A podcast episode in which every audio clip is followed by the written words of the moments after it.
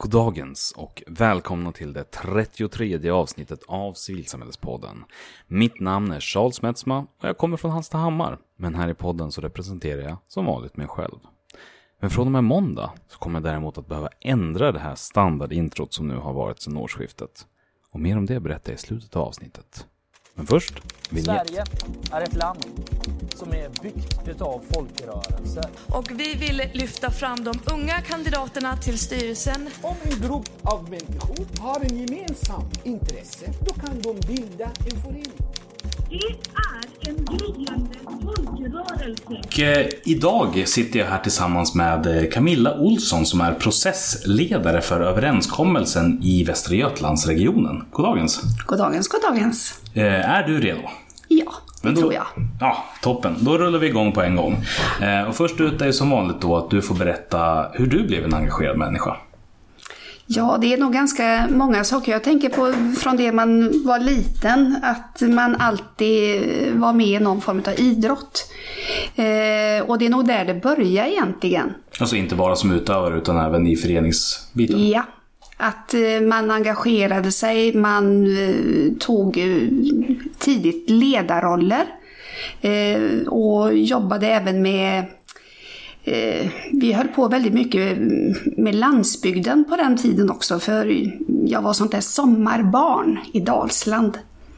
Och fick en del, tack vare den kunskapen så gjorde det också det att jag kanske förde in andra saker för man lever inte på samma sätt på landsbygden som vad jag gjorde där jag kom ifrån i Uddevalla då. Där det liksom var den här tätorten, det var ett rikt eh, föreningsliv och allt detta. På landsbygden så fanns det andra föreningar som liksom lyfte, lyftes fram och det var hembygdsföreningarna och det var festplatserna och en massa andra saker som liksom var viktiga. Och kyrkan faktiskt. Och väldigt annan typ av verksamhet då också eller? Absolut, den var lite annorlunda. Så att eh, jag fick nog ganska mycket av föreningsverksamhet från två olika håll redan ganska tidigt. Och sen har jag varit engagerad i idrottslivet, scouterna, eh, och eh, hållit på med en massa olika sporter. Eh, slutade väl med detta när jag var 18 aktivt för då hade knät pajat och så vidare.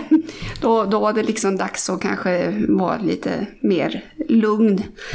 Eh, men sen så när jag fick mitt första jobb och började jobba, då var det med barn. Och Eh, jag jobbade i eh, 6-7 år med barn på dagis och eh, i andra sammanhang. Och då, då kände jag väl också det att det fanns så mycket mer att utveckla även där. Och är man en engagerad människa, ja då kan man inte liksom hålla sig till formerna, det funkar bara inte. Utan då, då ser man alltid möjligheterna till att göra lite extra. Det är skogsmulle, eller det är andra aktiviteter, man kan ju klä ut sig, man ska göra extra saker hela tiden.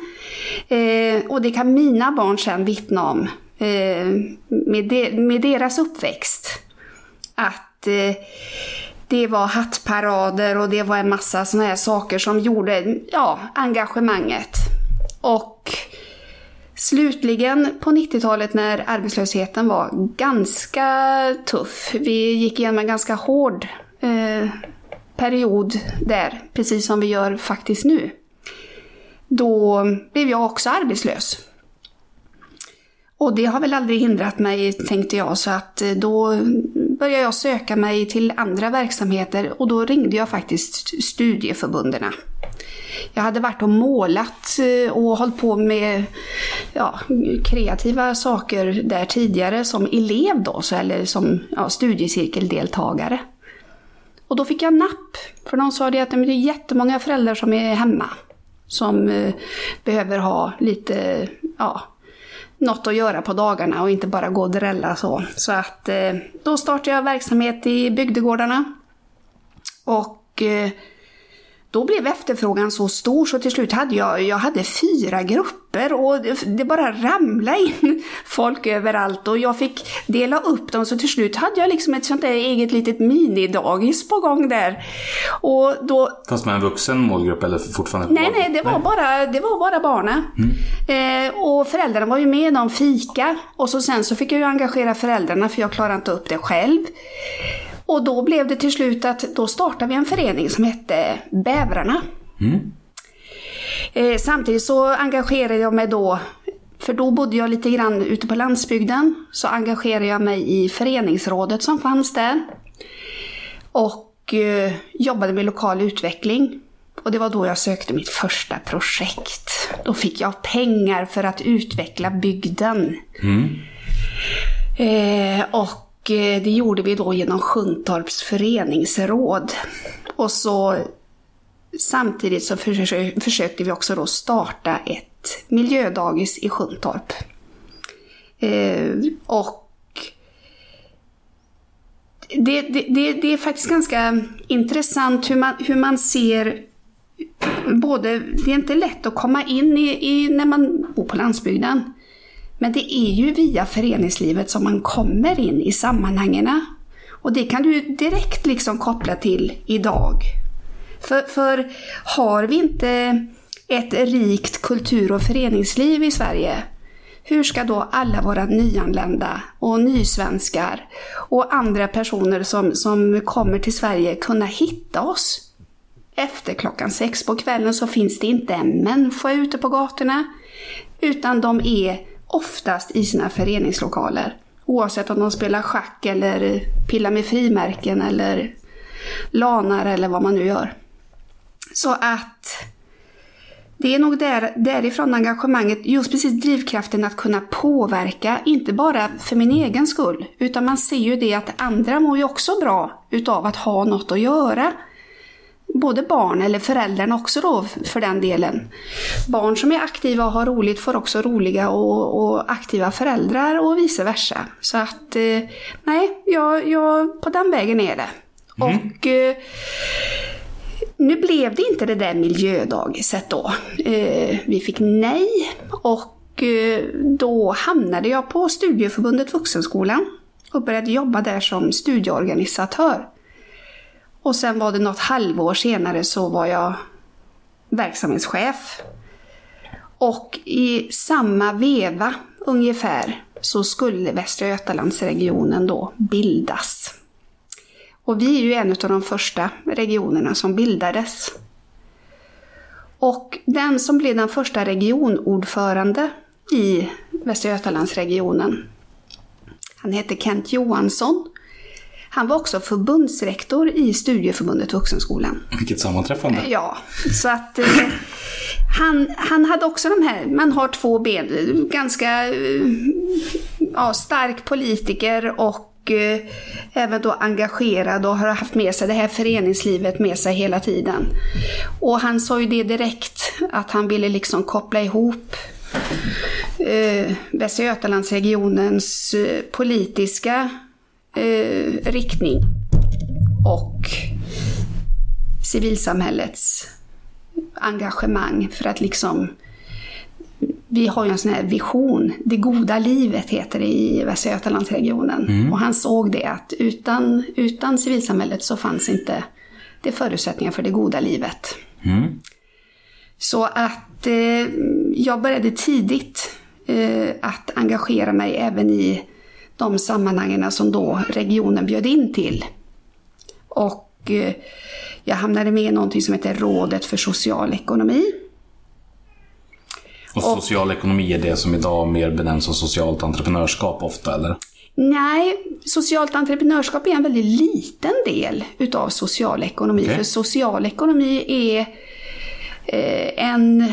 Ja, man gjorde en rak förklaring. Definitionen Eh, som eh, staten hade, eh, jag tror den kom 1998 eller någonting, så gjorde man en definition om vad social ekonomi var. Det är ju ekonomi de social. Det är alltså franskan.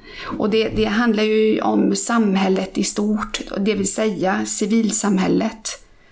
Och idag har man ju börjat att göra de ändringarna även på statlig nivå nu eller på den nationella nivån. Att nu säger man det civila samhället istället. Och det är den sociala ekonomin. Okej. Men det missförstås ständigt. Ja, det, men det är just för att ordet ekonomi är så ledande i Absolut, begreppet. Då. absolut. Folk Ah. tror ju liksom hela tiden att det handlar om företagandet eller entreprenörskapet eller så. Ja, en viss del utav det. Eh, jag tror att 4% ungefär eh, handlar om arbetsintegrerade sociala företag och sociala företag utav den delen. Eh, cirka 3-4 procent utav den sociala ekonomin är idéburen vård och omsorg till exempel. Vi har ju stora stiftelser och sjukhus och så vidare inom den här delen. Men det tänker vi så sällan på utan vi är ju fortfarande inne i det här att det är idrotten och det är kulturen och Men, så, men eh, då, det, den sociala ekonomin och civilsamhället, de är liksom synonyma med varandra. Ja, så, så är det. Sen kallar man det ju ibland för idéburen sektor också och det gör det ju inte lättare. Eh, men egentligen är det ett ganska bra ord. För att vara idéburen, det handlar ju om att man, man är med i något som har ett syfte. Eh, man tjänar ett högre syfte på något sätt. Man tjänar inte... Tanken är inte att tjäna pengar. Tanken är att skapa förutsättningar för sina medlemmar. Eller eh, det kan ju vara för skogens bästa eller något För annat syfte. Precis. Så att eh, varför, varför man fastnade för ekonomi det social, det handlar väl också om att vi på den tiden också började gå med i EU. Och då blev det samlingsbegreppet för hela EU faktiskt. Sen blir det väldigt konstigt hos oss då. Eh, förknippas mycket med socialdemokrater och Socialstyrelsen och socialtjänsten och ja, Ja, men just social och ekonomi är ju två ord som används Ja. ganska många andra sammanhang också. Ja, precis. Så det är faktiskt lätt att eh, förstå att det missförstås. Nej, så det här rådet för social ekonomi, där var vi för första gången då eh, hade vi möjligheten att påverka direkt, för då satt vi till bords med eh, politiker som hade representanter då från alla politiska par- partier. En representant, och man var ju vald, de var ju politiskt valda eh, till att sitta där. Eh, och vi var då, om nu de var åtta, så var vi, ska vi se här, fyra, vi var 16 stycken. Och det beror på att våran region är ju 49 kommuner. Och vi har fyra delregioner hos oss då.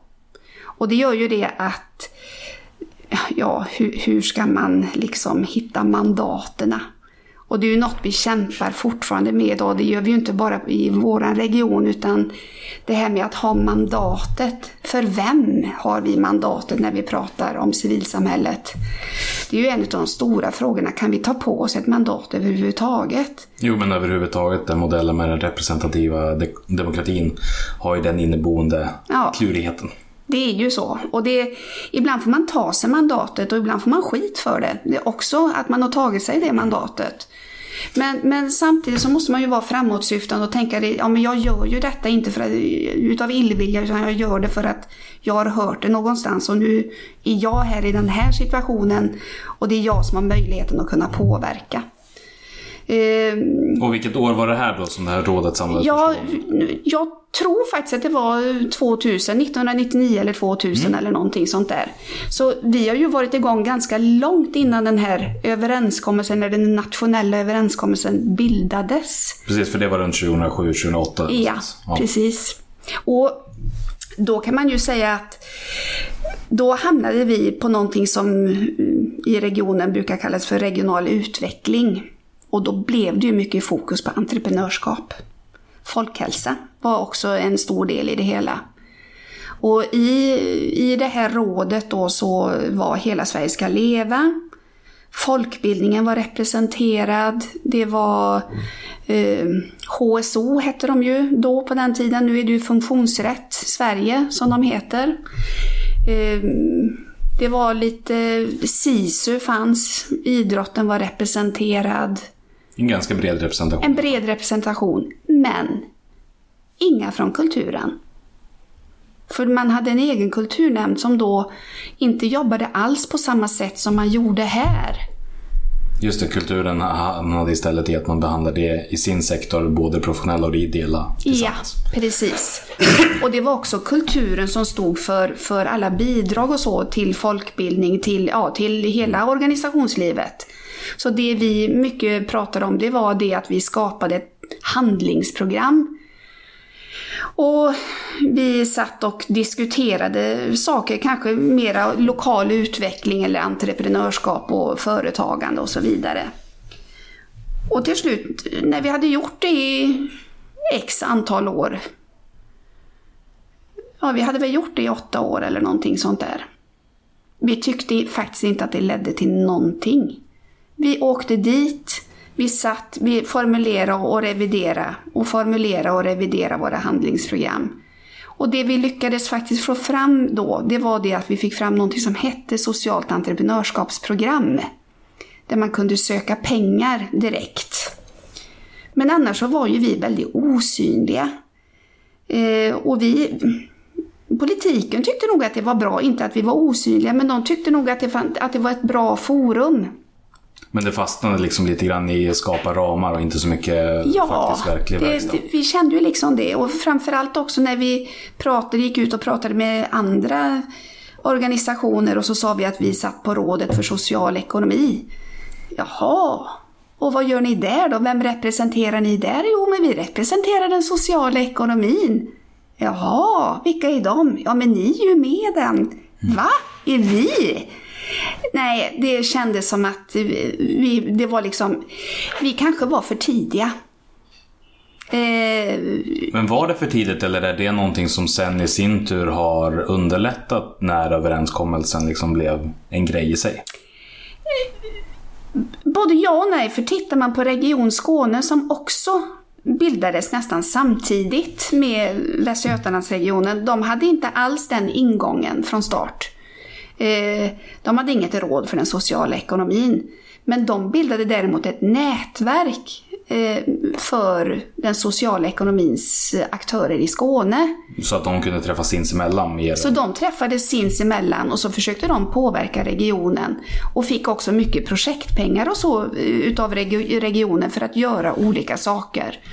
Ja, men istället för att göra någonting tillsammans så gjorde de två tydliga liksom, separata enheter som kunde... Liksom... Ja. Och så de började faktiskt tidigare med att säga det att utifrån den nationella överenskommelsen som då tecknades 2007-2008 där. Då sa de att de ville också ha en överenskommelse i Skåne. Så de började i den änden. Och så sen så har liksom samverkan mellan Region Skåne och nätverket för idéburen sektor Skåne Eh, ja, förstärkts och samverkar på ett jättebra sätt idag. Och man har en massa saker ihop. Och de har gemensamma styrgrupper och man har också utvecklat en massa nya verksamheter runt detta. Att vi började ju liksom i fel ände, eller i fel ände, men vi började i den andra änden. Att vi redan hade ett etablerat, eh, en etablerad samverkan med politiken. Men där det inte det hade blivit så ja, verksamhetsbaserat då kanske. Och inte så utvecklingsbaserat heller. Eh, mer fokuserat på principerna liksom? Ja, lite, lite mer så. Mm. Och då, då kom vi väl fram till att nej, vi får göra någonting. Så att då tog flertalet organisationer, vi hade jobbat ihop oss under flera år att, och fått projektpengar ska jag säga ifrån Västra Götalandsregionen att bilda vad vi kallade för delregionala plattformar. Och det här var innan överenskommelsen fortfarande? Ja. Mm. Och då, då, är det, då kan man säga att vi gjorde egentligen som nere i Skåne, fast vi bildade delregionala nätverk. Så det fanns fyra stycken då, för vi har ju fyra delregioner då. Eh, och tanken var ju att vi skulle agera därifrån och jobba inåt i regionen. Eh, och fungerade olika bra i de olika delregionerna. beror naturligtvis alltid väldigt mycket på don efter person och, och så vidare och, och så.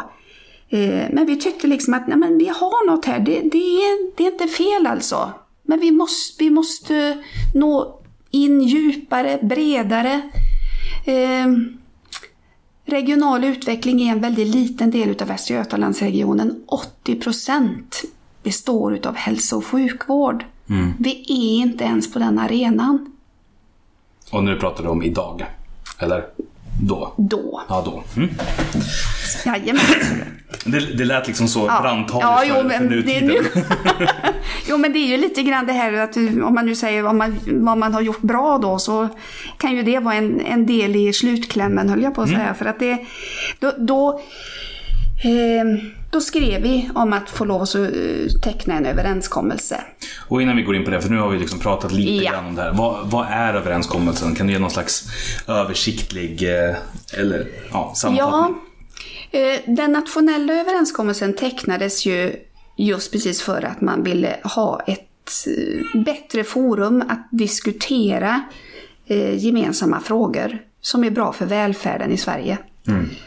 Var Och då, då, var det ju, då var det ju staten.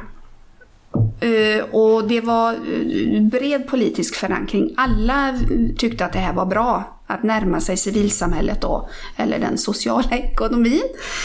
Eh, SKL var också med. De såg ju nyttan utav det i sina regioner och, och kommuner. Och SKL är ju Sveriges kommuner och landsting. Precis. Och sen så var det en samlad organisation utav, jag tror att det var kanske eh, 60-70-talet stora organisationer Som som, skrev under, och- ja, som då skrev under 2007 att man ville ingå i den här överenskommelsen. Och nu får du rätta mig om jag har fel, men visst var det väldigt mycket fokuserat på liksom, eh, idéburen producerad välfärd Ja där? Ja, men det var det ju väldigt, och det handlar ju mycket om, jag tror också det att ser vi på, på den tiden, vid brytpunkten 2007, eh, vi har haft tuffa år, 15 ganska tuffa år i Sverige. Eh, där vi, vi går från en kraftig arbetslöshet till att bli lite bättre i början på 2000-talet. Men vi hinner inte riktigt hamna upp så att vi liksom kan fylla, vad är det man brukar säga, fylla ladorna brukar ju politiken alltid säga. Eh, Vi hann ju inte riktigt dit förrän den här stora internationella krisen ramlade, gjorde att vi liksom ramlade ner i bott igen. Och där 0809. Ja. Och jag tror väl att politiken också såg detta komma. Eh, man ska ju vara i alla fall lite visionär och, och förutsägande. Så att man såg nog också det vikten utav att vara Ja, vad ska, man säga? Man- såg nog vikten utav att kanske vara lite mer framåtskridande än vad man, vad man hade varit på 90-talet. Eh, när det gäller mobilisering, när det gäller eh, Eh, just precis de välfärdsfrågorna som, som efterfrågades. Och man såg också det, ensam är inte stark. För ser vi, ser vi historiskt på det, eh, om vi går tillbaka ännu mer eh, tillbaka i historien, så är det ju egentligen civilsamhället som faktiskt har stått för mycket utav välfärden, folkbildningen, kulturen, allt det här, hela 1850-talet och hela slutet på 1800-talet fram till 1940 så har ju vi gjort så otroligt mycket för, för Sverige. Ja, I princip allting som vi har nu som en del av välfärden är ju sånt som staten övertog från. Absolut. Och jag, och jag tycker att det är bra. Det, det var nog en väldigt bra brytpunkt efter kriget och så vidare att, att eh, staten växte sig starkare. Det behövdes trygghet. Det behövdes liksom, eh, eh, ja, folk behövde lite lugn och ro. Och för att också kunna, vi pratar ju så mycket idag om jämlik vård och jämlika villkor. Jag tror det var ännu viktigare där och då att mödravården skulle kunna se likadan ut. Att det skulle finnas en överhuvudtaget. Precis. Eh, och många av de här sakerna, biblioteken, eh, ja, vi, vi pratar om eh, mycket av de eh, funktionsrättstjänsterna som, som vi hade kanske själva varit innovatörerna till, togs ju över också. Syntolkning, tolkning, dövtolkning, allt detta togs ju över av staten. Och på något sätt så, så var ju det eh, en bekräftelse utav att det vi hade gjort var framförallt väldigt bra. Men det behövde också kanske spridas eh, så att det såg ut eh, likadant i Haparanda som det gjorde nere i Ystad. Och eh, jag tror det var jättebra. Det var jättebra för samhället på 50, och 60 och 70-talet att det här liksom stabiliserades. Det blev ett, en fast form. Och sen kom folkbildningen in på, ja de var ju med långt tidigare. Men när vi pratar om att alla fick lov att göra sin klassresa på 60 och 70-talet. Att du kunde gå i studiecirklarna, du kunde läsa engelska, du kunde liksom få de här möjligheterna till att eh, fortbilda dig när inte det fanns eh, högskolor och andra möjligheter till bildning som det finns idag. Eh, Men det var väl viktigt redan alltså bortåt 20 och 30-talet? Absolut. Ja. Absolut. När liksom själva den metodiken växte Jajamän. fram? Ja. Eh, och Eller det kanske var tidigare den växte Ja, det, fram nu. den, ja, jo, men den växte fram tidigare. Men jag tänker, Men jag tänker också både nykterhetsrörelsen och Absolut. arbetarrörelsen bygger ju extremt mycket på den otroligt mycket. tanken. Och eh, vi hade ju sådana stora rörelser som kom in och agerade i det. Och, eh, sen får man inte glömma det att politiken själv också är idéburen. De är, de är också sprungna ur en ideologi. Precis, vi säger kanske inte att vi har en ideologi i civilsamhället, men ja, faktum är nog att vi faktiskt kanske har det. Vi, vi har någonting som är liksom, eh, ja, springer ur oss på något sätt. Men det är bara det att den kanske inte behöver vara partipolitisk. Utan vi, vi har en bredare syn på det. Det är människan i sig som är viktig, eller det är skogen i sig som är viktig. Och, eh, vi har ju låtit tusen blommor få blomma, men det, det är väl verkligen det som, som vi står för. Nej, jag skulle säga att det är definitivt så att vi är ideologiskt styrna eller vi har vår ideologi. För jag menar utan den så är det svårt att, vad har civilsamhället kvar för särart annars utan den? Nej, absolut. Och jag, jag, jag tycker att och det, någonstans så tror jag vi glömde bort det. På vilket sätt? Eh, vi hade varit starka, vi hade varit drivkrafterna, vi hade tagit fram tusentalet innovationer eh, under kanske 75-100 år. Där framförallt kyrkan också då var en väldigt stark aktör och såg till att eh, det fanns eh, ja, samhällstjänst och service på, på landsbygd och så vidare och även i små orter. Eh, så att när då staten tog över det, med rätta, så kanske vi vila oss ett litet tag. Vi kanske, vi kanske liksom försökte själva hitta vår nya roll i samhället. Och vad skulle den då bli? Ja, men ibland så brukar jag prata om eh, när organisationen liksom närmar sig sitt, att uppfylla sitt syfte. Ja. Att det också är ganska lätt att i det läget bli lite tjock, glad och nöjd. Ja, absolut. Om man fortsätter att existera istället för att avveckla sig själv. Ja, ja och du, precis, du har rätt. Och jag menar det att helt plötsligt så fick vi en massa bidrag. Vi fick kommunbidrag, vi fick eh, statsbidrag och vi fick en massa saker och vi skulle fylla i lite pinnar och vi skulle fylla i lite statistik och ja, och på den vägen gick det och det, det, det rullade på. Eh, men sen så tror jag, när vi då hamnar i att världen knackar på igen. Som den gjorde på 90-talet under den stora krisen som var när vi var tvungna att ta, eh, eller tvungna, men vi tog emot så också jättemånga eh, flyktingar ifrån eh, forna Jugoslavien bland annat. Eh, och också då hade en ganska kraftig ekonomisk kris i landet. Då vände man sig alltid till civilsamhället. Och vi var inte riktigt beredda. För vi hade väl blivit lite bekväma också då kanske. Jag, jag vet inte. Och framförallt så kanske vi inte hade va- mm, Vi hade glömt bort hur, hur innovativa vi skulle vara. Men är det då så mycket ett bortglömmande eller ett, eh, ett naturligt steg av att inte vara behövd? Ja, det var du som sa det. Nej, men liksom, Ja, nej, men absolut. I, I den bemärkelsen, det är klart att det alltid finns behov av att göra mer, men inte i, alltså på den skalan. För det märkte vi också Mm.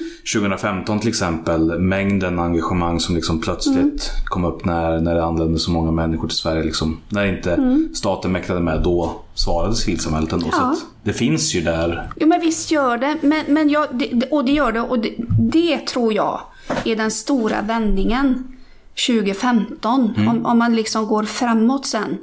Eh, och varför överenskommelserna är så viktiga. Men, men eh, jag, historiskt så var vi väl kanske lite, vi, vi var lite famlande och vi gjorde det vi skulle och vi var med i kunskapslyft och vi, vi bidrog på det sättet. Och jag tror att vi då igen kom på att, men snälla någon, vi kan ju det här. Vi, vi, då, då, jag tror faktiskt att tack vare den krisen så förstod vi att, ja men hallå, vi, vi är fortfarande en viktig aktör i samhället. Och samtidigt också som väldigt många började prata om att det var svårt att få folk att engagera sig.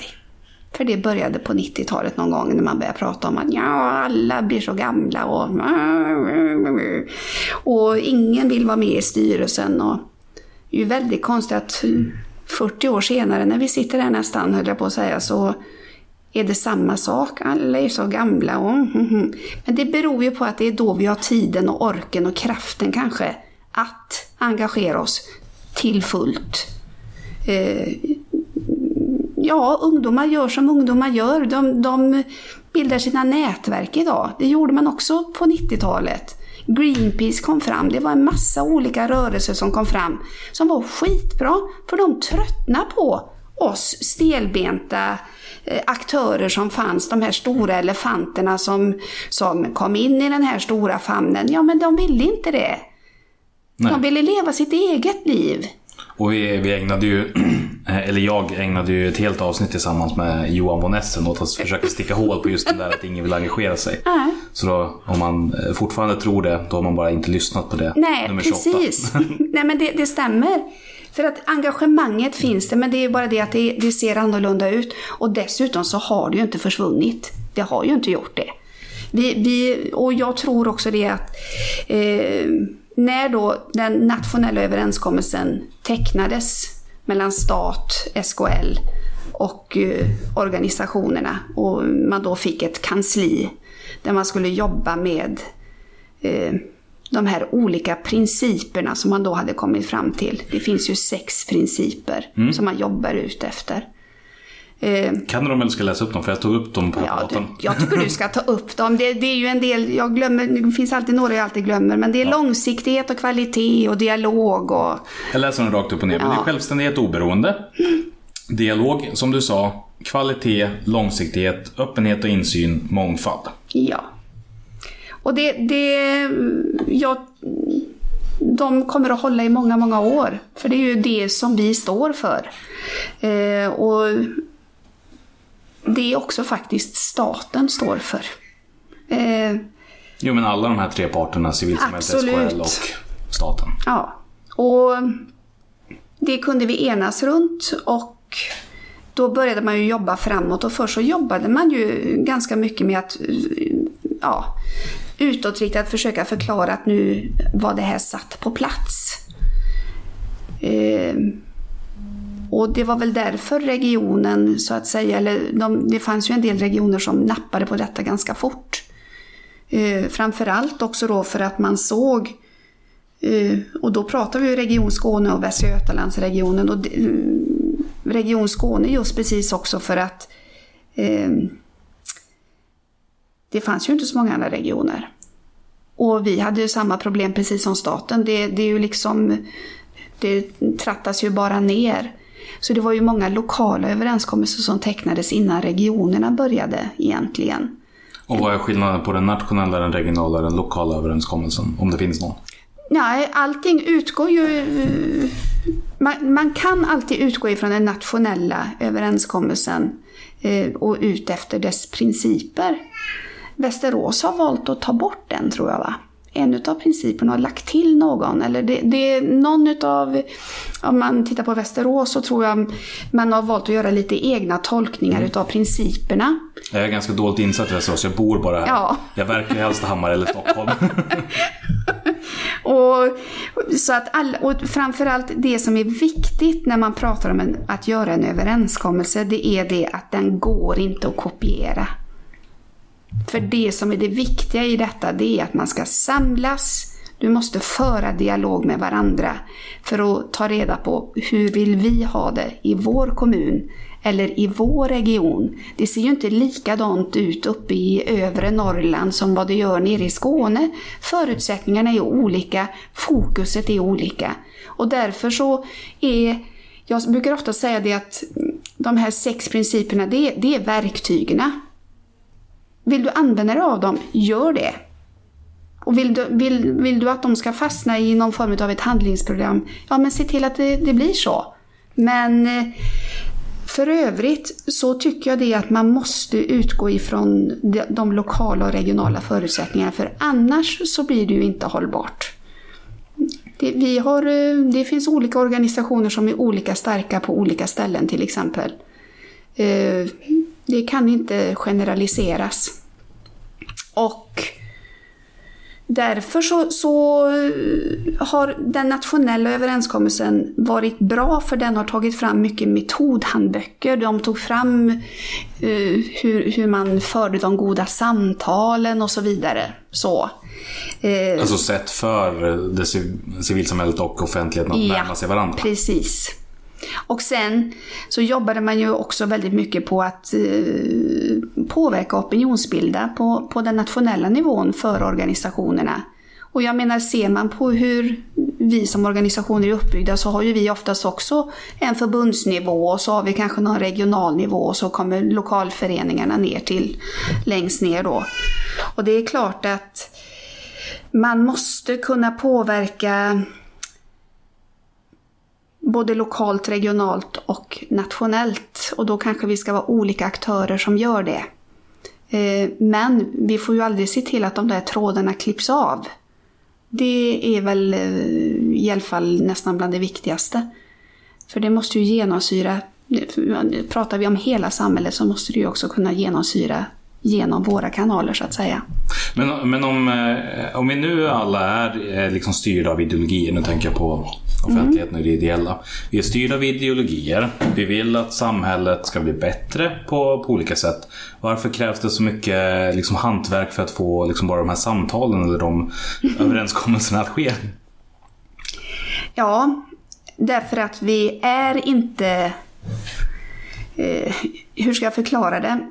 Eh, när vi fick ja och skulle eh, få lov att eh, påbörja vår resa i överenskommelsen i vår region.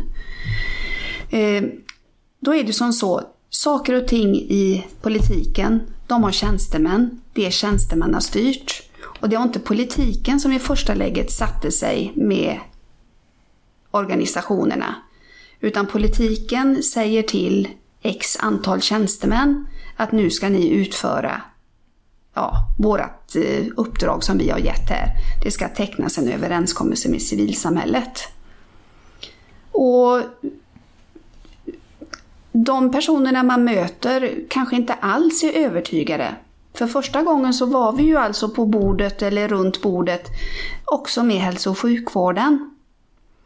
Eh, de hade naturligtvis jobbat och de sa det också, vi jobbar, vad, vadå eh, överenskommelser? Vi jobbar ju med patientföreningarna, eh, vi har brukarstöd och eh, vadå, varför ska vi sitta och diskutera det här? Och faktiskt eh, var ganska irriterad för man tyckte att det tog mycket tid och det gjorde det. Eh, och det gör det.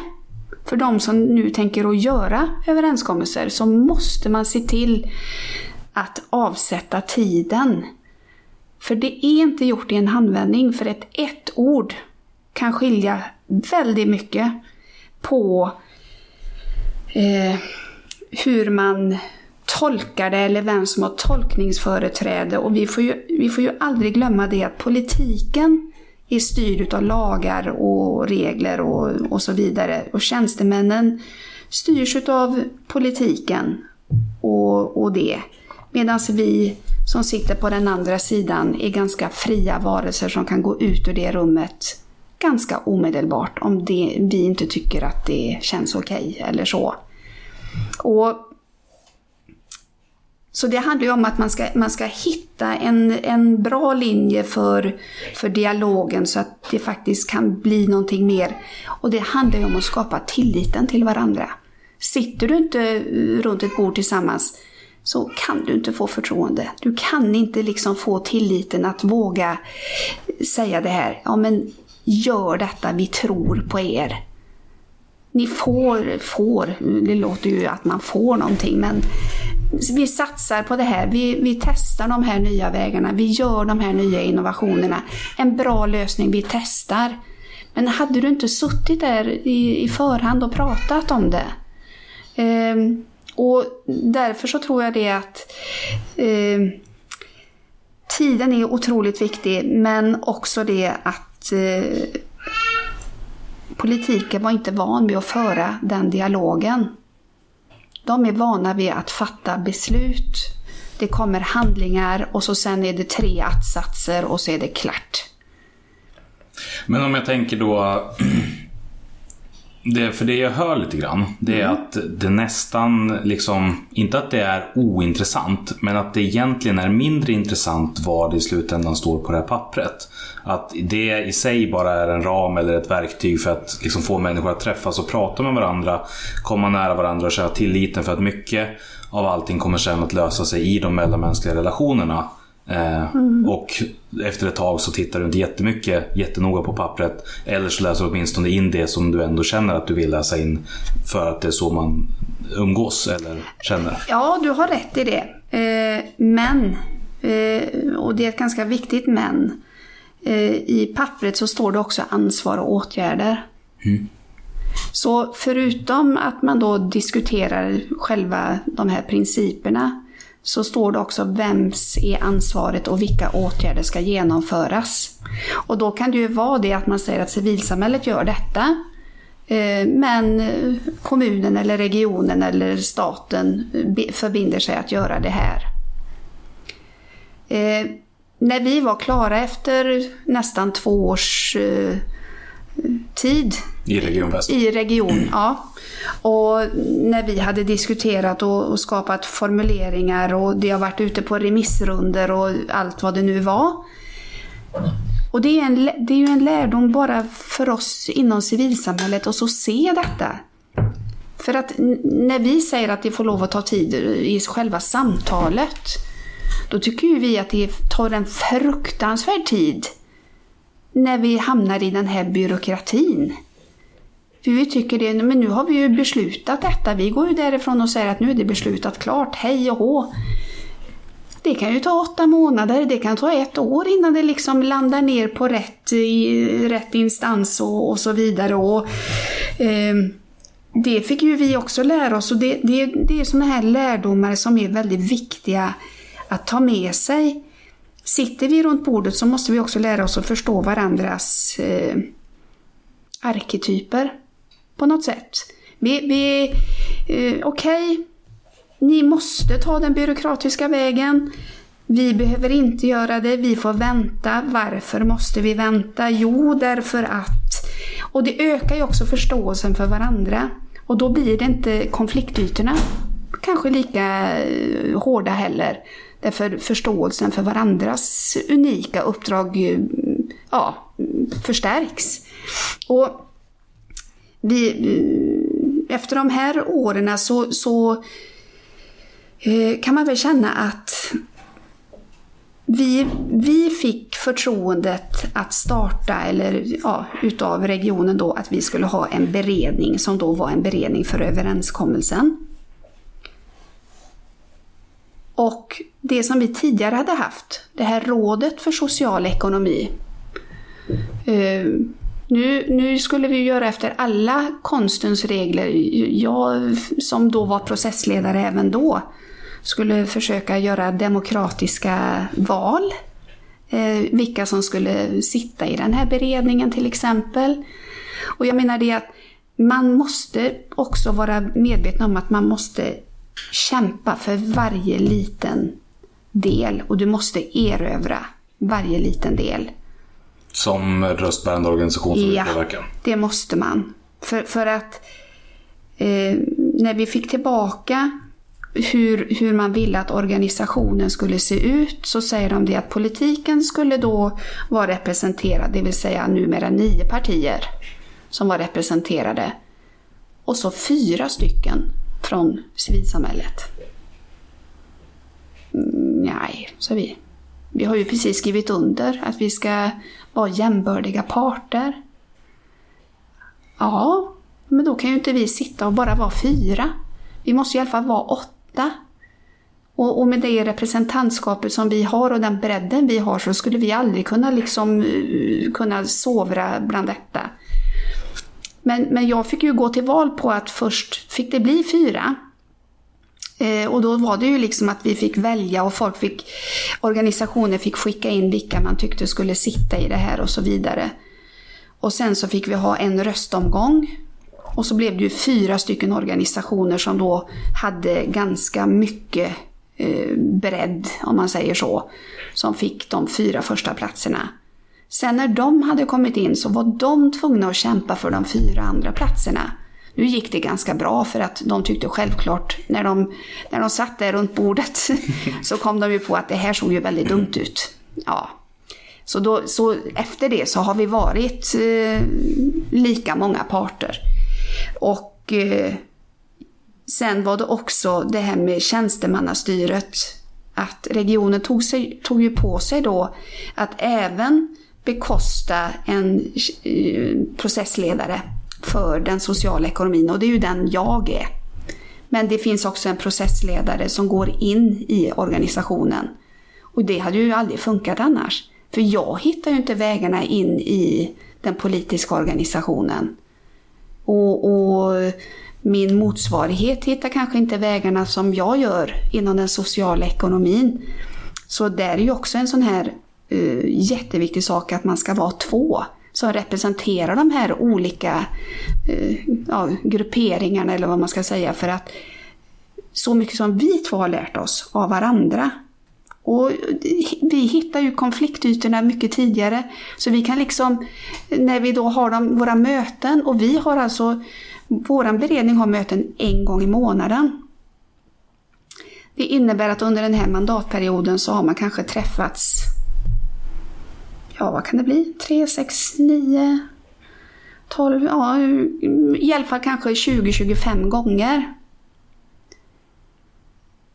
Det, det, finns inte, det finns inte nästan någon partipolitik längre. Eh, det finns inte någonting annat som, som grasserar i rummet förutom civilsamhällsfrågorna. Eh, och det, det är ju häftigt att från start, när folk positionerar sig och sina organisationer och allt detta, nu när man ser att det är på väg att liksom slås ut. Eller slås ut, men, men det ska ju bli någonting nytt utav det och, och vi vet inte hur organisationer ska se ut och så vidare. Och många kommer att bytas ut efter mandatperioden. Hur man faktiskt slåss för, hur politiken slåss för Eh, överenskommelsens eh, varande i en jätteorganisation som Västra Götalandsregionen är. Det är häftigt. För då ser man också det att jag går alltid ut och pratar, när jag föreläser och så vidare, så går jag alltid ut och pratar om makten. Makten har ju återbördats till oss på något sätt. Mm. Vi, politiken springer omkring och pratar om medborgardialoger och eh, allt detta. Ja, men dialogen sker ju här och nu på den nationella nivån, på den regionala och på den lokala nivån. Men den sker kanske i en lite mer organiserad form än just precis eh, medborgaren in alles i kommunen. Men det är ändå så ett ganska bra urval.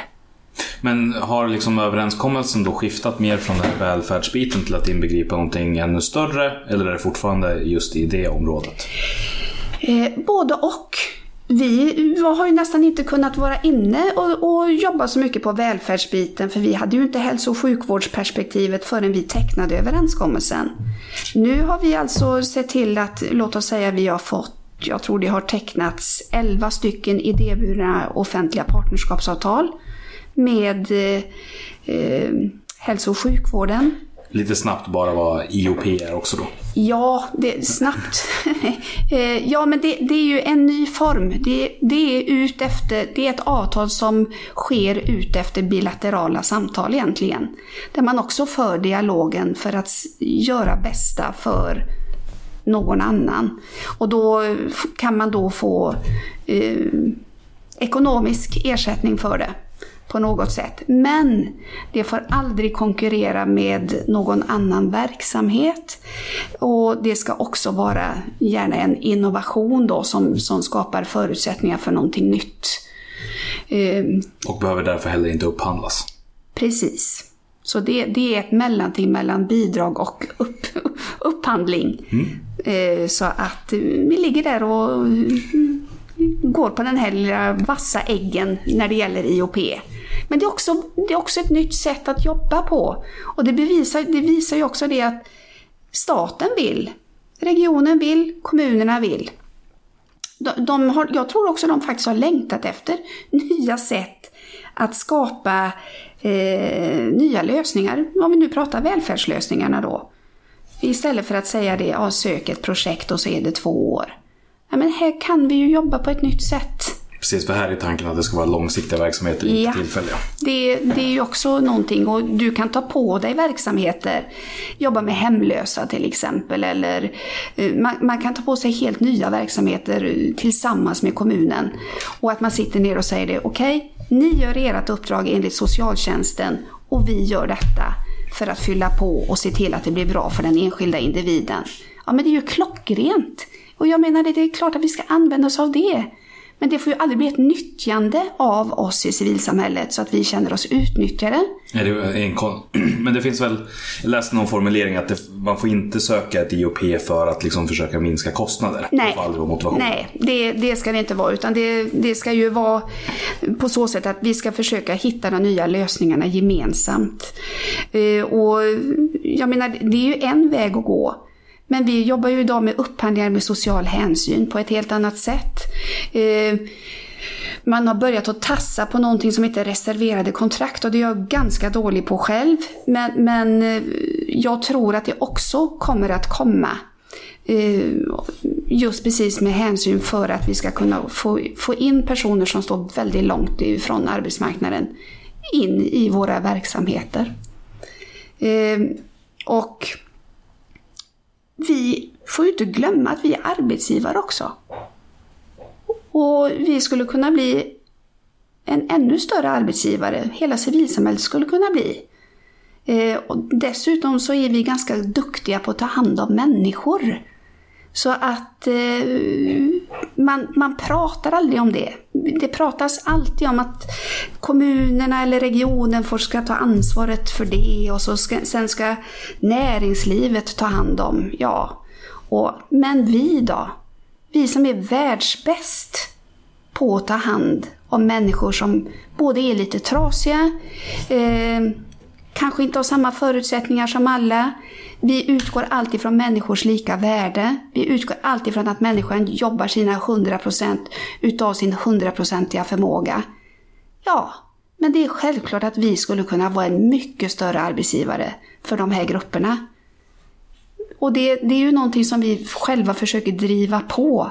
Att vi kan, vi vill. Men, men det, det, är ju inte någonting vi kan göra självpåtaget utan det måste ju vara liksom i ett samtal med de som också då är finansiärer, det vill säga arbetsförmedling eller försäkringskassa och så vidare. Jo, men jag tänker också just eftersom att det finns så många parametrar i, i välfärdsbiten som är svåra att på något sätt kvantifiera eller göra ja. mätbara och eh, liksom passa in i ramen för upphandling. Mm. Jag vet, komikern Ola Söderholm brukar ta exemplet att eh, jo, men vi levererar vård med där vi stryker dem över pannan tre gånger, alltså ja. bättre. ja. Tre pannstryckningar per dag. Ja, jo men det är lite grann så. Och då- blir det svårt för oss att konkurrera när vi säger att vi har ett mervärde i allt det vi gör. Men ser vi på den krisen, om man liksom går tillbaka, som vi har sagt, 90-talet hade sitt, krisen, överenskommelsen kommer 2007 och så är vi framme i den nutid. Men tittar vi då 2014 och 2015 när vi då tar emot 160 000 eh, nyanlända till Sverige. När det offentliga faktiskt brakar ihop. För det gör det. Man vet inte riktigt. Man hittar inte formerna. Man hittar inte riktigt... Man, man står ganska så... Man står lite, lite grann bredvid och tittar på och det beror också på just precis det som jag har pratat om. Därför man har lagar, man har förordningar, man har regler att förhålla sig till. Men vi andra, vi är ju frifräsarna. Och då är det ju vi som kan mobilisera. Och den här gången gjorde vi det än mer än vad vi gjorde på 90-talet. Eh, någonstans så fanns den här stora eh, ja, vad ska man säga, mobiliseringen som nästan bara lät vänta på sig. Och så mycket trötta människor, så mycket slutkörda personer som jag träffade under ja, de här två åren. Ja, det, ja, det är nästan som man blir rörd. Hur, eh, hur, de slet.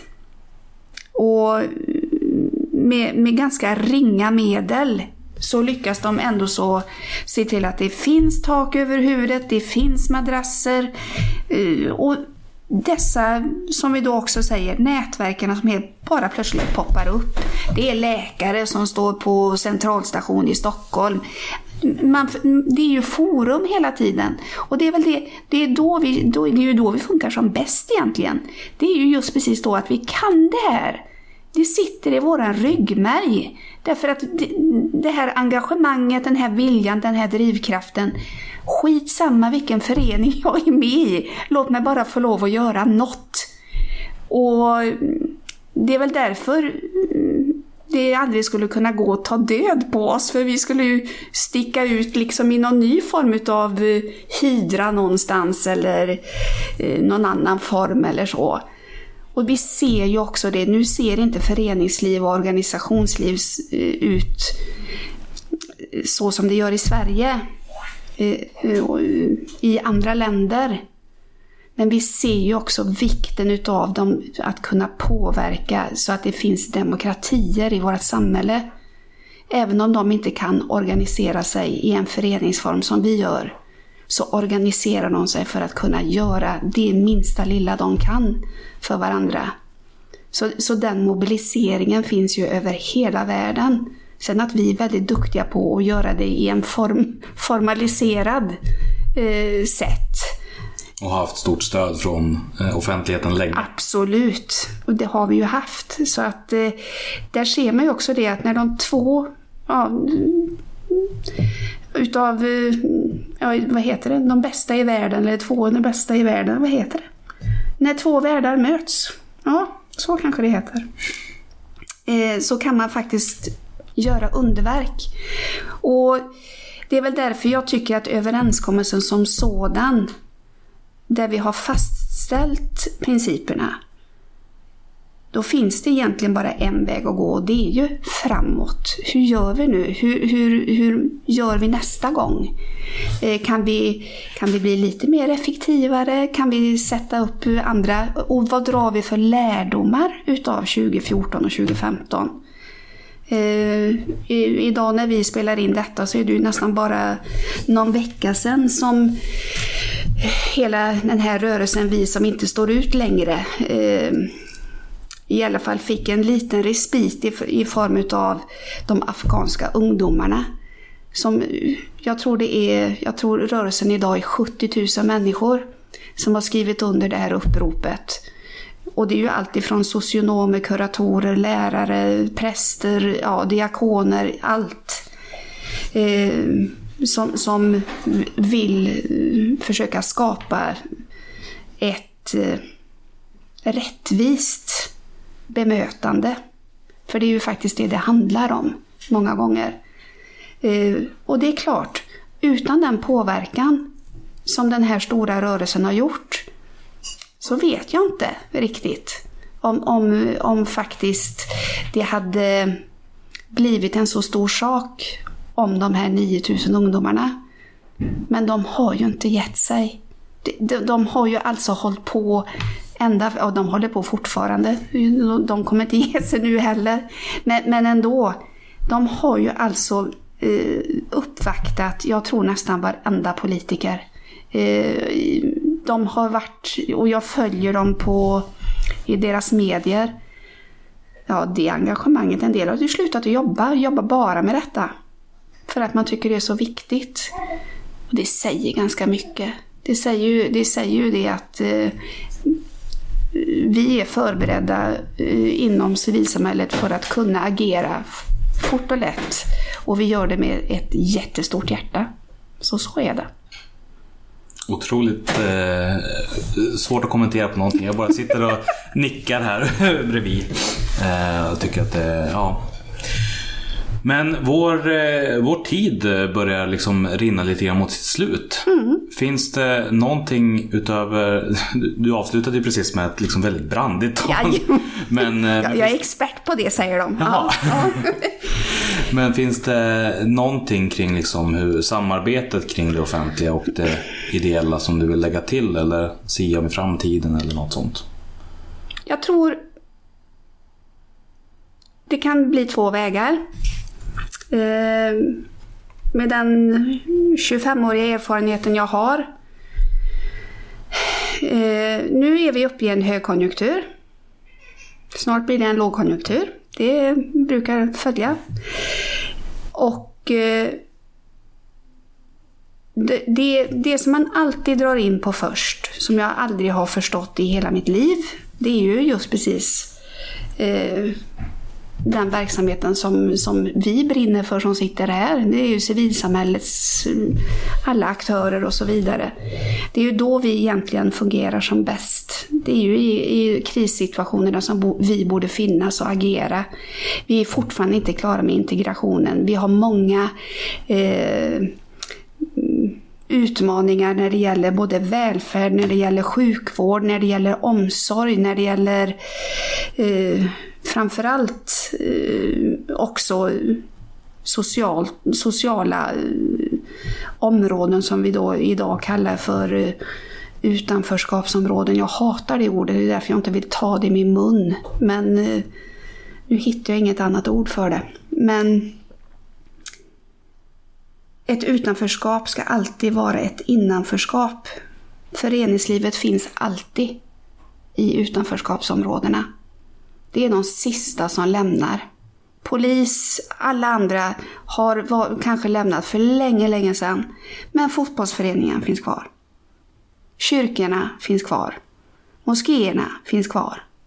Så, så jag menar det att någonstans så tror jag det att med ett förstärkt stöd så skulle vi också kunna göra väldigt mycket mer gemensamt för de här välfärdsutmaningarna som vi har framöver.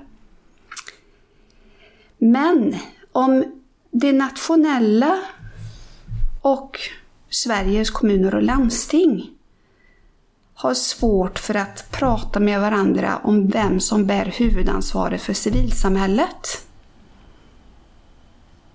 och vem det är som ska prata med civilsamhället, då kan det bli lite svårt. Därför att man vill ju inte ha några konfliktytor, utan det vi vill göra det är ju, som jag sa förut, vi vill ju gå framåt. Så, så vikten utav att eh, myndigheterna faktiskt pratar sig samman precis som vi organisationer har fått lära oss att göra. Va? Då, då, är det, då kan vi göra jättemycket. Men arbetsförmedling, försäkringskassa, länsstyrelsen som vi då har eh, runt omkring oss. De måste få lov att verka och bli mer aktiva aktörer i, i samhället. Och, och vi måste också kunna ta del av deras medel på ett mycket enklare sätt då kan det hända saker. Väldigt positiva saker för Sverige. Eh, men fastnar vi då i ett byråkratiskt krångel och myndigheter som inte eh, ja, vad ska man säga, förstår sina uppdrag i sina regleringsbrev och framförallt att, att det finns en tjänstemannaorganisation som kanske också motverkar. För det är sällan eller aldrig politiken som motverkar. Men, men det är ett tjänstemannaled som har svårt att agera för man inte riktigt är van vid att agera på det sättet. Så, så då kan det bli problem.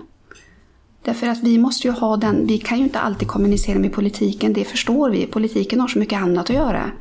Då måste vi kunna kommunicera med tjänstemännen och att tjänstemännen ska kunna förstå sina uppdrag. Så det, det jag hör då är alltså mer dialog som leder till mer tillit och då får vi ett bättre samhälle? Ja, ungefär så. ja. ja. Eh, du får ju förstås också, precis som alla som är med här, eh, svara på frågan hur var någonting som du är stolt över och någonting som inte alls gick särskilt bra och framförallt vad du lärde dig av detsamma. Ja. Eh, jag pratade ju för, förut här om jag skulle ta på mig rollen att leka valförrättare. Eh, när vi då skulle se till att placera folk i beredningen. Och jag tyckte jag hade gjort det utefter så många möjliga demokratiska aspekter som jag bara kunde. Eh, och jag känner det att eh, det tog två år nästan eh, att återuppbygga förtroendet. Eh, när man pratar om tillit och förtroende då. Därför att det är ju naturligtvis väldigt svårt att tro på att jag, en solomänniska, som sitter och liksom, ja, även för öppna fönster eh, kallar in och man har möten och, och, så vidare. Men det var inte tillräckligt bra representativt och det kunde gjorts på ett så mycket bättre och snyggare sätt. Eh, och många organisationer förstod inte varför andra organisationer blev valda före dem. Fast det då hade skett utefter röster. Men där känner jag att inför nästa mandatperiod att det måste förankras och förbättras jättemycket. Och det kändes som en sån här riktig, den gick jag och funderade mycket på alltså. Hur, hur, nej, fy sjutton. Men kom du fram till någonting hur du ska göra nu, föreslå eh, nästa gång? Vi har ett möte nu i juni. Där eh, jag hoppas på att så många organisationer som möjligt kommer. Där jag ska ställa frågan till dem.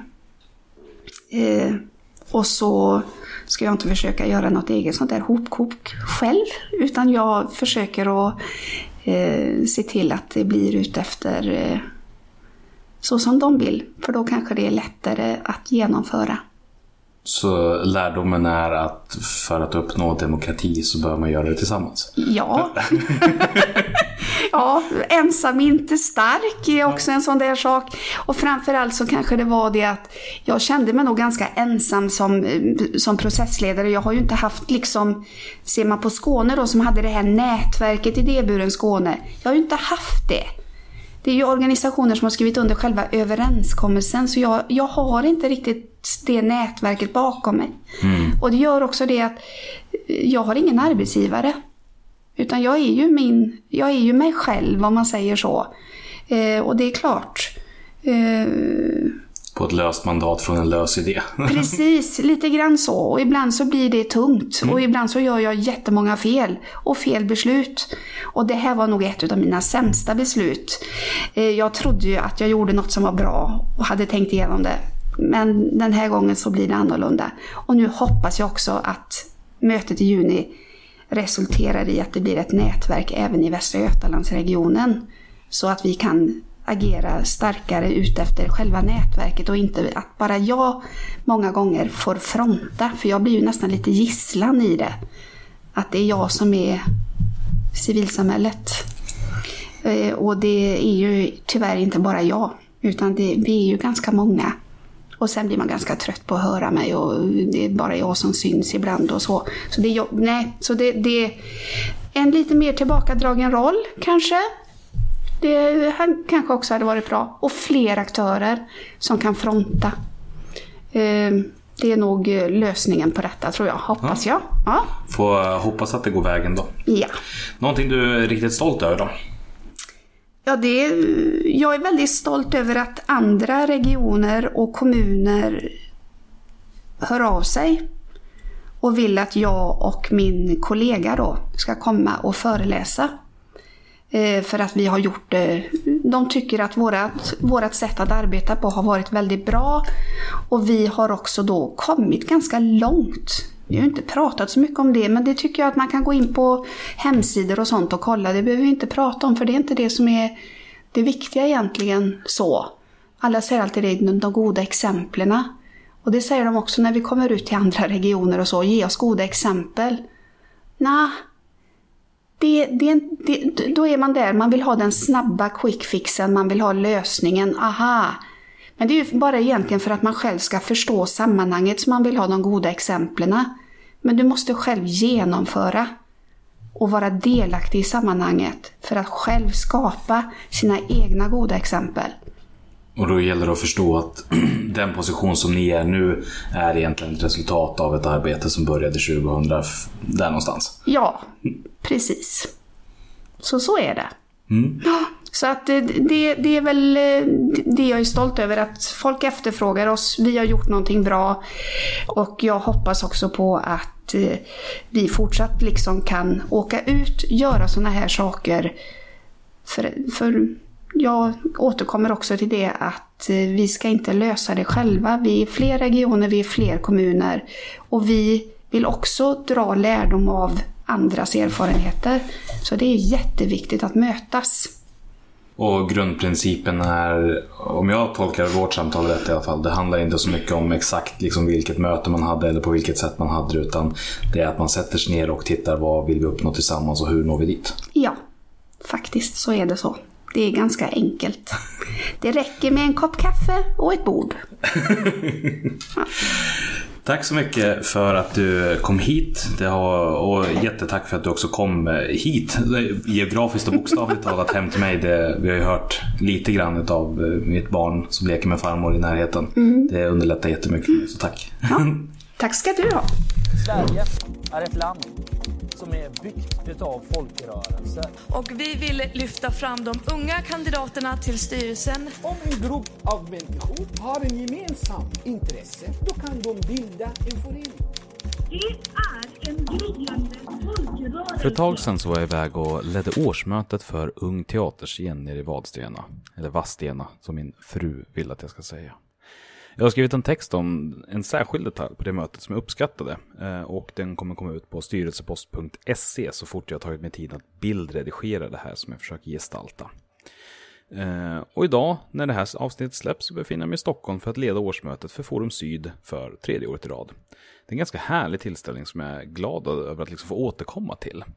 Och även om det finns många fördelar med att återkomma till en organisation på det sättet så är det också någonting som på sikt inte blir hållbart. Jag har i alla fall en teori om att alla, oavsett hur bra de var när de började, stagnerar om de har den rollen för längre. Och liksom per automagi bara blir sämre, oavsett om det är förtroendepost eller ett, tillfälligt uppdrag som årsmötesordförande. Men innan den stagnationen nås så är ju liksom också tillståndet stabilitet. Och egentligen så handlar det väl mycket om att vara uppmärksam på i vilket stadie som man själv befinner sig i. Om man har gått från den stabiliteten till stagnation. Men gällande Forum Syd så är jag inte där ännu. Långt ifrån eftersom att jag fortfarande ser fram emot det lika mycket som jag gjorde andra gången. För att om jag sa att jag såg fram emot det på samma sätt som första gången så hade det varit en lögn. Eftersom att jag var ganska, eh, eller jag var väldigt nervös första gången eh, som jag skulle leda Forum Syds årsmöte. Eh, också väldigt förväntansfull för det var det första nationella stora årsmötet som jag skulle leda. Och det är väl egentligen de tre som fick bli den här vårens stora. Alltså Män för jämställdhet som var för ett tag sedan, Ung Teaterscen och Forum Syd. När det gäller höstens årsmöten så vet jag inte faktiskt i talande stund hur mycket jag kommer kunna tacka ja till. Eftersom att jag på måndag kliver på tjänsten som verksamhetschef för Sveriges Blåbandsungdom.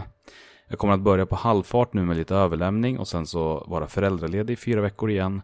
Och slutligen då den 16 augusti börja jobba på heltid och ta över efter Nathalie Karlryd som då i augusti också har börjat på sitt nya jobb. Jag ser fram emot det här otroligt mycket. Alltså det finns så många komponenter som gör det till en superhärlig utmaning. Dels eftersom att jag, kanske framförallt för att jag är ganska långt ifrån att bottna i nykterhetsfrågorna. Alkohol för mig har liksom länge inte varit en särskilt stor del och när jag övervägde om jag skulle tacka ja till nykterheten så kom jag fram till att jag inte ens kunde svara på varför jag dricker ibland. Det har sällan gett någonting annat än dåliga saker. Men jag har också sett skad, liksom alkoholens skadeverkningar för individer och på samhällelig nivå. Och därför känns det så jävla gött liksom att få komma in och jobba heltid med att göra världen lite bättre. Inte bara genom verksamhet utan också med ett syfte. Eftersom jag kommer från en organisation som bara har verksamheten i fokus så ska det bli spännande att testa att jobba med en idé också. En idé som jag dessutom tror väldigt mycket på. Och sen så befinner sig också organisationen i ett sånt läge att jag kommer kunna använda väldigt mycket av mina eh, liksom organisationsbyggarkompetenser på ett effektivt sätt. Och det är väl egentligen det som är den bästa av allianser. Där båda går in med styrkor och svagheter som kompletterar varandra. Eh, och samtidigt då skapar ett mycket kraftfullare resultat. Och jag ser verkligen fram också emot att få väva in organisationen i mitt jag och bli en del av den. Och allt det här kommer förstås då att ta energi och tid, vilket är varför jag inte vet hur många sidoprojekt jag kan ta på mig. Som nu i helgen så arrangerade jag en spelhelg för communityt som lyssnar på Spela Spel-podden. Vi hängde en hel helg tillsammans på Hammarteatern i Hallstahammar och spelade brädspel dygnet runt. Eh, ett projekt som jag tog på mig för att ha någonting att pyssla med när barnet, som jag är föräldraledig för, sov. Och detsamma gäller ju större grejer som det här pärlbandet av insatser som jag gjort nu för fackförbundet Vision med workshops och webbinarium om hållbart engagemang. Eh, och det första som jag kommer prioritera eh, framöver är ju förstås podden över andra uppdrag. För att, ja, den, det är den som får komma först så länge det finns energi över. Och att bara få ihop den är ju något av ett projekt. Just för tillfället till exempel så har jag inga inspelade avsnitt i buffert. Jag har inga inspelningar bokade och en lång sommar där jag tänkte vara väldigt frånkopplad. Så ekvationen går liksom inte riktigt ihop och jag har valt att sticka huvudet i pappaskapet istället för att försöka lösa det hela. Så skulle det vara så att det inte kommer några avsnitt nu innan hösten så beror det på att jag valde familjen. Men till hösten så ser förstås allt ljusare ut igen eftersom att jag kommer arbeta i Stockholm och naturligt vara där väldigt mycket men även på andra ställen i landet och då försvinner ju också det här behovet av att jaga in pengar för att täcka kostnader med podden. För det har verkligen inte varit bekvämt att swish-tigga nu under våren och eh, även om det har varit välbehövligt och resultatet har varit givande och liksom verkligen alltså, på riktigt ett supertack till alla er som skickade pengar. Jag är fortfarande både förbluffad och kärleksvarm över att ni överhuvudtaget gjorde det hela. Men det kommer jag slippa framöver. Eh, och i framtiden så blir det återigen då tillbaka till att det bästa sättet att ge podden en skjuts in i framtiden är att berätta för en kompis vilket som är ditt favoritavsnitt. Eller säg, lägg upp en länk till valberedningsavsnittet på er hemsida när ni förklarar vad valberedning är. Men även fortsättningsvis kommer det bästa sättet att göra dig själv cool att finnas kvar. Det vill säga att köpa grejer på printmotor.com sivsampodd. Där jag inför varje avsnitt kommer fortsätta producera swag. Så hör av er så hörs vi, ja vad blir det, förhoppningsvis igen om två veckor.